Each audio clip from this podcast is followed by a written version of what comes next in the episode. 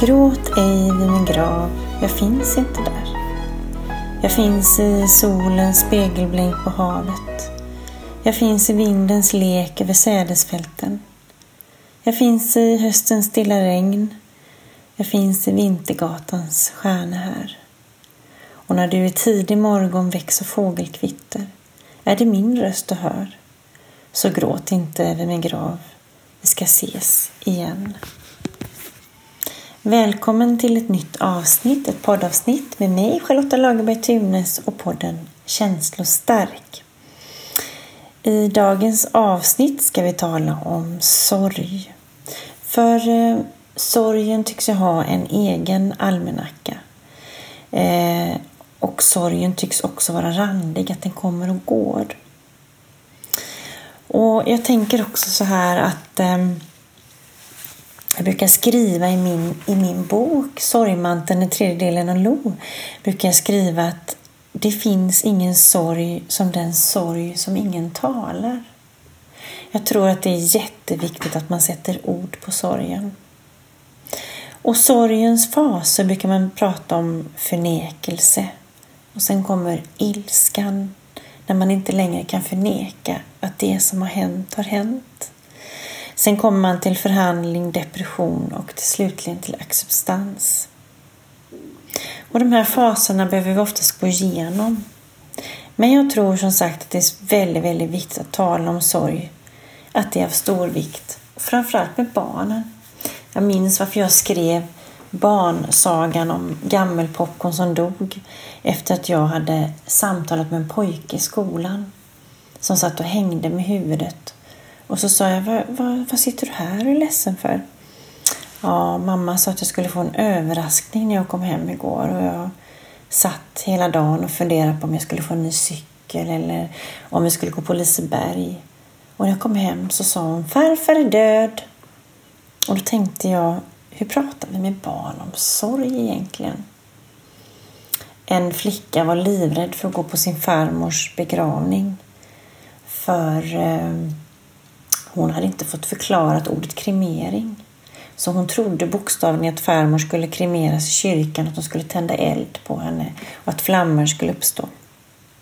Jag minns min lilla, lilla dotter när hon var liten att hon hade en egen förklaringsmodell varför hennes farmor var död. Och det lät så här att farmor dog nog för att hon gick med klänning på vintern. För att vi alltid tjatade om den där overallen som hon skulle ha på sig som hon avskydde så mycket. Mm. Men sorgen är randig och den kommer och går. Och varje sorg är unik. Alla måste få sörja på sitt eget sätt. Det finns inget rätt eller fel.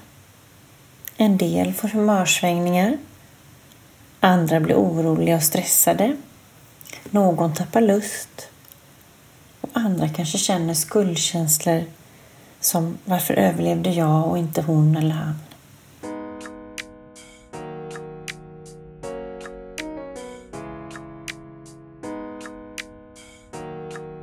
Jag har som många andra upplevt olika slags sorger genom livet.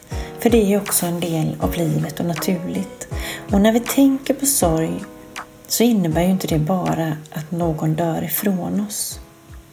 Sorg är ju förlust av något slag. Sjukdomsförlust, att mista ett jobb, att förlora någon eller förlora något. En skilsmässa eller slutligen att någon avlider.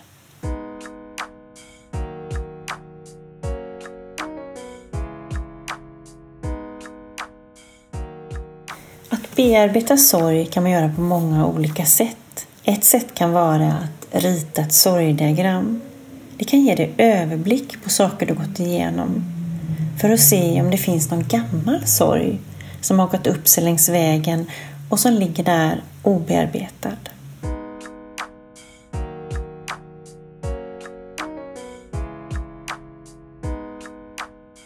Ibland kommer förlusterna duggandes tätt. Och det är kanske därför vi säger en olycka kommer sällan ensam, för det är ju sant. Och jag tänker också på vad som händer när vi inte tar hand om sorgen. Hur blir det då? När vi tror att smärtan som är svår aldrig kommer försvinna. När vi gör allt för att döva den. Och när vi tror att det blir, det kommer bli bättre igen. Vi börjar fly sorgen genom att skapa tillfälliga lättnader. Ni vet, shopping, godis, mat, alkohol. Vi blir destruktiva. Vi skjuter på så sätt upp sorgen med det här undvikande beteendet. Jag tänker också på alla de här gastrobypass-operationerna som görs. Man stryper matsäcken och personen kanske blir smal men om man har ätit av sorg så försvinner ju inte sorgen, sorgen finns ju kvar.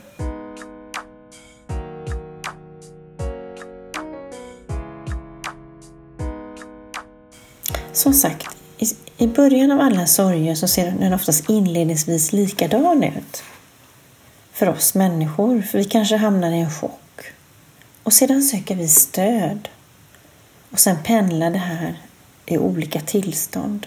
Vi drar oss undan och vi söker stöd och så drar vi oss undan igen. Och hur mycket vi gråter i en sorg det finns liksom ingen mätning kring sorgen.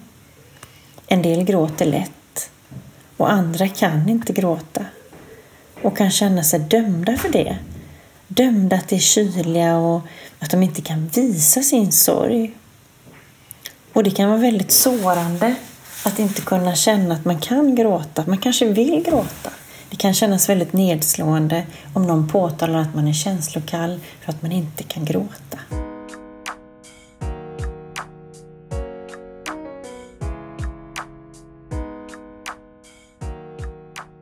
Ibland kommer också onödiga fraser som man helst kanske hade velat slippa höra när man är i sin sorg. Var stark nu och ryck upp dig och ja, var stark för nej, vi måste alla gå igenom sårbarheten för att finna ny kraft och få vara sårbara. Man kan inte alltid vara stark. Ibland är man skör och ibland är man till och med starkskör. Och det är modigt att vara sårbar, tänker jag. Håll dig sysselsatt, kanske någon säger. Håll dig sysselsatt, tänker jag. Men då skjuter man ju upp sorgen. Tiden läker alla sår. Nej, det tror jag inte att det gör. Jag tror banne mig att man lär sig leva med såren.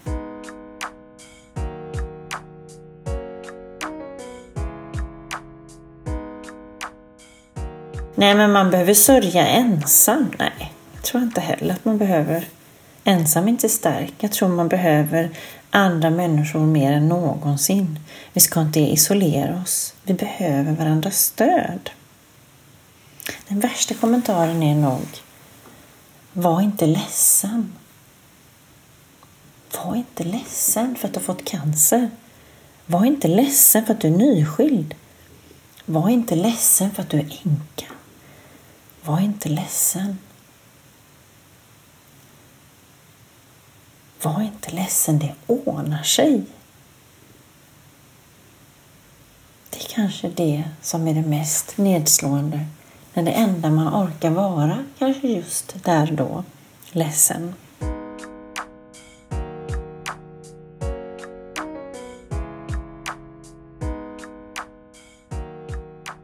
Ni minns ju den här hemska tsunamivågen som slog ner. Som, som lamslog oss nästan den där julen. 2004 var det då. Ja.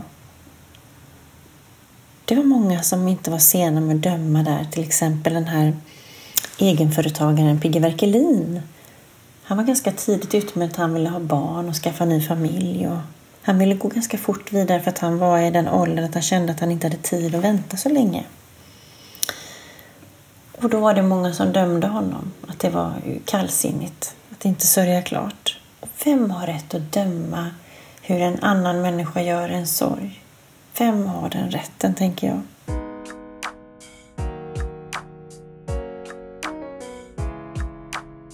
Sorgen kan ju bli uppskjutande och återkommande. Och den kan också vara väldigt närvarande i sin linda. Så sorgen bär på många, många olika ansikten. Och ingen har rätt, tycker jag, att tala om för någon annan om man har sörjt färdigt eller hur man sörjer. Men ibland behöver vi stöd för att komma vidare och inte fastna i ältandet. Ibland kanske någon behöver hjälp så att man inte hamnar i destruktivitet. Men vi får aldrig glömma bort att sorgen är priset vi får betala för att vi har älskat.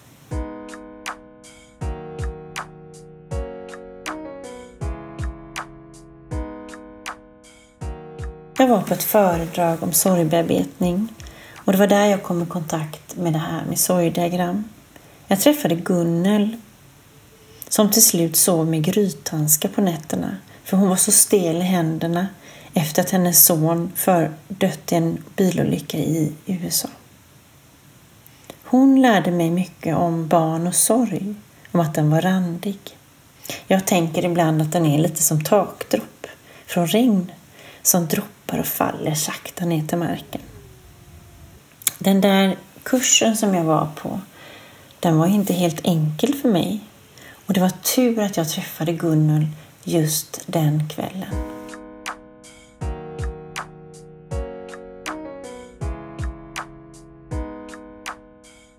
Jag hade på något sätt dragit mig till den här föreläsningen för att jag själv hade varit sjuk och hade en sjukdomsförlust och levde så i skräck och rädsla. Eftersom jag hade varit så sjuk och hade små barn så hade jag inte riktigt satt ord på min sorg och min rädsla. Och det är någonting jag tycker är svårt när man är på föredrag så är det när man blir utsatt för att göra någonting som man inte var förberedd eller medveten om. Och den här gången skulle man prata med en vilt främmande människa om varför man var där och vilken sorg man bar på. Folk reste sig och gick, jag såg det. Och jag blev jättenervös och plötsligt så hade jag Gunnel bredvid mig i alla fall. Som var väldigt öppen och kunde prata. Hon såg när jag sa att jag, jag, jag kan inte sätta ord på min sorg eller prata om det. Och då var det väldigt fint för då berättade hon om sin sorg. För hon hade kommit så mycket längre än mig där och då.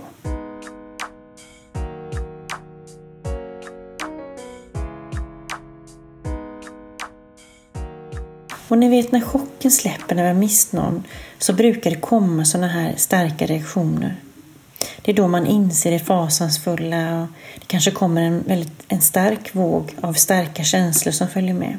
De här jobbiga känslorna, de här utmanande och utmattande och intensiva känslorna som man måste ta sig igenom.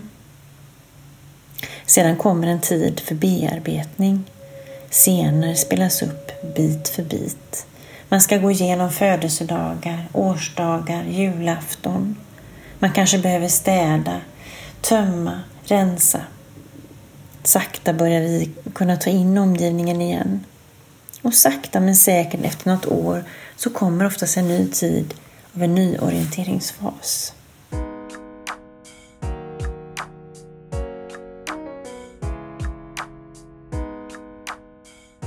Vi läker och helar successivt. Man brukar tala om det här sorgåret. Man ska som sagt vara igenom vår, höst, vinter, sommar och högtiderna.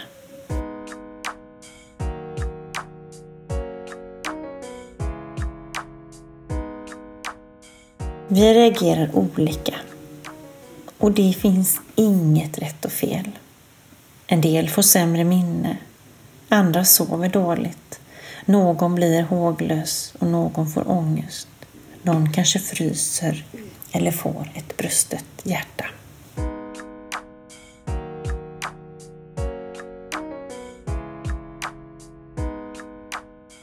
Ett annat sätt att bearbeta sin sorg på är att skriva ett sorgebrev. Om sorgen inte mildras kan man behöva vård. Ett sorgebrev kan vara att man skriver om det är någon som man känner i relation att man har en sorg till, ett avslut, så kan det vara bra att skriva ett sorgebrev.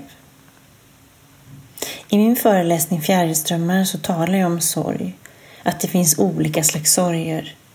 Och det finns också olika slags sorger i min bokserie kring Lo. Om en person dör i en olycka kan vi drabbas av PTSD, alltså posttraumatiskt stresssyndrom Förr talade man om att krigsveteraner hamnade i PTSD. Men idag så pratar man om PTSD mycket mer i andra situationer, bara krigsdrabbade, post, ehm, eh, krigsdrabbade soldater och så vidare. om man har PTSD så lider man av påträngande minnesbilder, flashbacks, kanske i mardrömmar. Man blir stel, spänd, får hjärtklappning och väldigt svårt för att andas. Stress och ångest utlöses när vi tänker på den här händelsen då. Och det finns många människor som stångas just med PTSD. Alla minns nu när corona skövlat många människors liv och sjukvårdspersonal har fått uppleva saker som jag inte kan föreställa mig. Krig och elände skapar sår, sår som betyder trauma, som betyder sår och skada.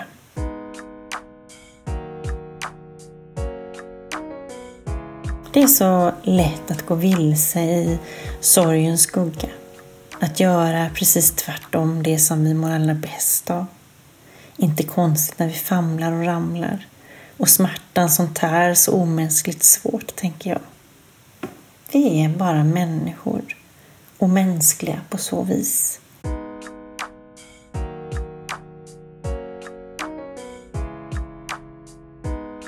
Sorgbearbetningen tänker jag kan se så olika ut. Jag tänker att det är stor vikt att man väljer det som lämpar sig för dig eller mig.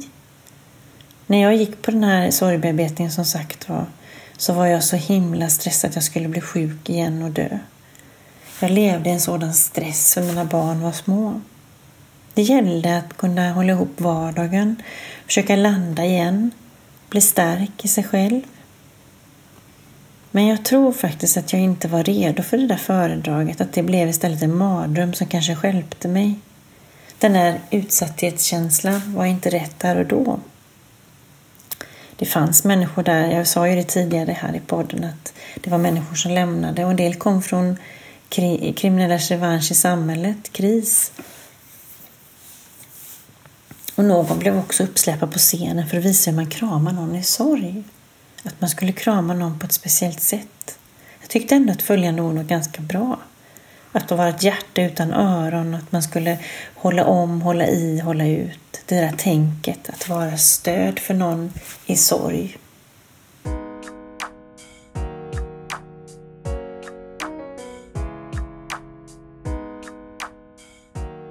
När vi hade det här samtalet på två och två, jag och Gunnel, så hade jag den här olustkänslan att jag inte ville blotta, men jag ville inte berätta.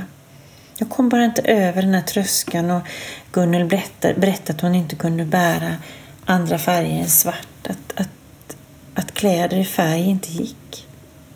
Hur svårt det var att alla halsband blev så tunga, det var för tungt att bära. Och jag, jag minns det när min mamma dog, hur svårt det var att det kändes tungt att hålla min man i handen. Jag förstår precis den där känslan av sorg och tyngd.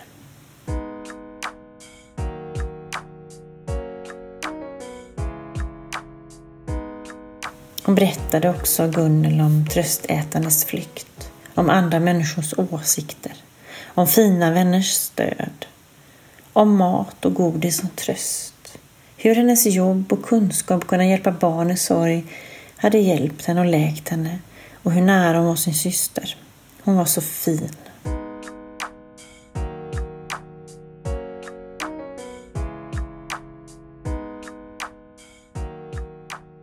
Gamla obearbetade sorger kan smitta av sig på annat senare i livet. Sorger som gått vilse och hamnat på villovägar. Och i läkningen så kan det handla om att förlösa känslor på ett bestående sätt.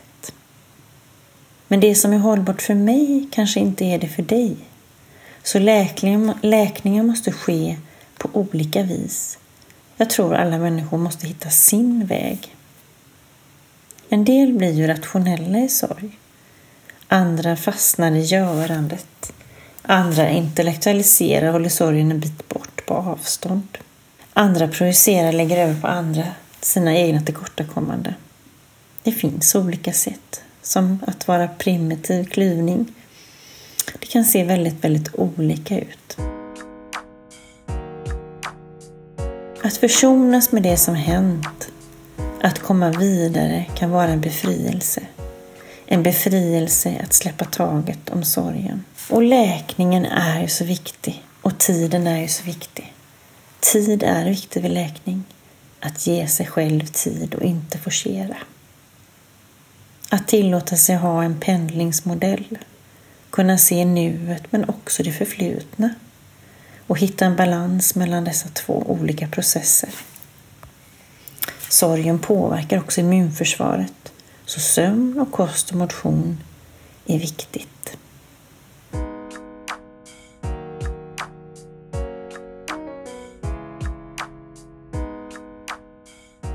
Jag kan inte nog upprepar mig det här med stöttning. Att vi behöver ge stöd och få stöd. Jag minns en kollega som hade en granne där mannen hade tagit livet av sig. Och alla visste, men ingen vågade närma sig familjen. Men hon ringde på för att visa sitt stöd. Och hon sa att det var det bästa hon hade gjort. För frun i huset blev så otroligt glad och uppskattade dem så att det är ingen annan som hade vågat ringa på. Ibland måste man våga vara så där obekväm och sticka ut hakan för att jag tror att så länge man gör saker med ett gott hjärta, ett öppet, vidöppet hjärta och vill hjälpa och ge stöd så blir oftast människor väldigt tacksamma och glada.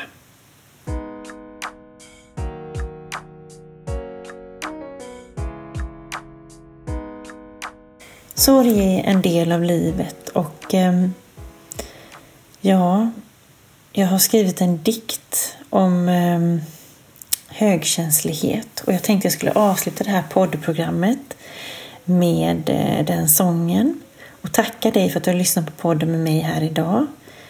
I podden Känslostark med mig, Charlotta Lagerberg Tunes. Ehm, jag var ju på eh, Hemgården i Borås och hade författarsamtal i veckan här.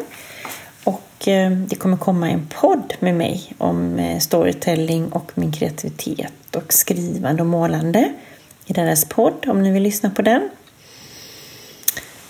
Det har varit en hel del inställda föredrag så jag tänkte bara säga passa på att missa inte min kurs om narcissism sex gånger vid Vuxenskolan Stockholm. Eh, jättekul om du vill anmäla dig och hänga med på den.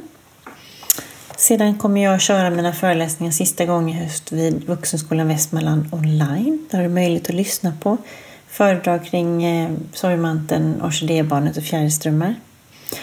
Efter det så drar ju julmarknaden igång och jag kommer inleda nästa år också med att ha en underbar konstutställning som heter Golden Moment vid Galleri 20 på Långedalsvägen 20 i Göteborg. Så håll till godo mina vänner, här kommer en låt som var ju tänkt att eh, Tobias Edvardsson som är musiker som har tonsatt eh, min text, att den skulle heta Mina känslor färg men han har döpt den till Dina känslor färg och skrivit den så att den handlar om mig men det är jag som har skrivit en dikt om sårbarhet och högkänslighet. Så här kommer den låten och eh, Oktober är ju en eh, fin månad där vi smyckar graven hos nära och kära. Så läs en bok, tänd ett ljus, skratta och ge någon en kram och lite extra mycket till de som kämpar med smärta och sorg. Vi behöver finnas till för varandra i en värld som stormar och blåser som nu. Så eh, varmt tack för att du har lyssnat på mig, Charlotta Lagerberg Tunes. Och vill du gå in på mina sidor så heter de charlottalagerbergtunes.se och artbyclt.se. Följ mig gärna på Instagram, charlotta lagerberg. Och här kommer låten Dina känslor har färg med Tobias Edvardsson, text Charlotta Lagerberg Tunes. Jag är lite mallig för er som ni hör. Så håll till godo och lyssna gärna på den så syns vi i november. Och tills dess, var rädd om dig. Hej då!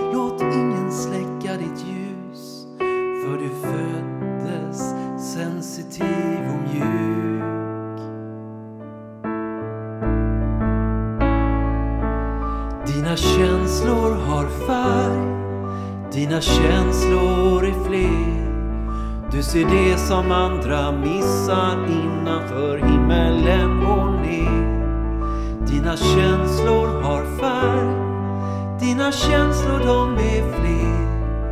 Du ger det som alla andra missar och aldrig ser. Allt blir så innerligt svårt när inget far förbi. För dina känslor ser världen utifrån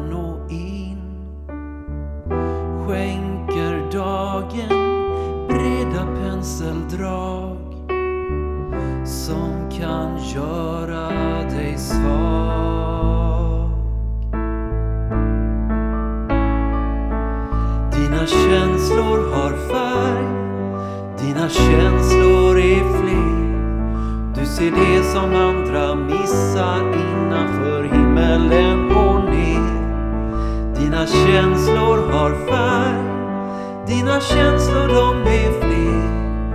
Du ger det som alla andra missar och aldrig ser. När hjärtat får tänka fritt kommer din stjärna blänka. För du föddes på jorden med glittrande ögon där och då så trygg och mogen. När hjärtat får tänka fritt kommer din stjärna blänka. Du föddes på jorden med glittrande ögon där och då så trygg och mogen.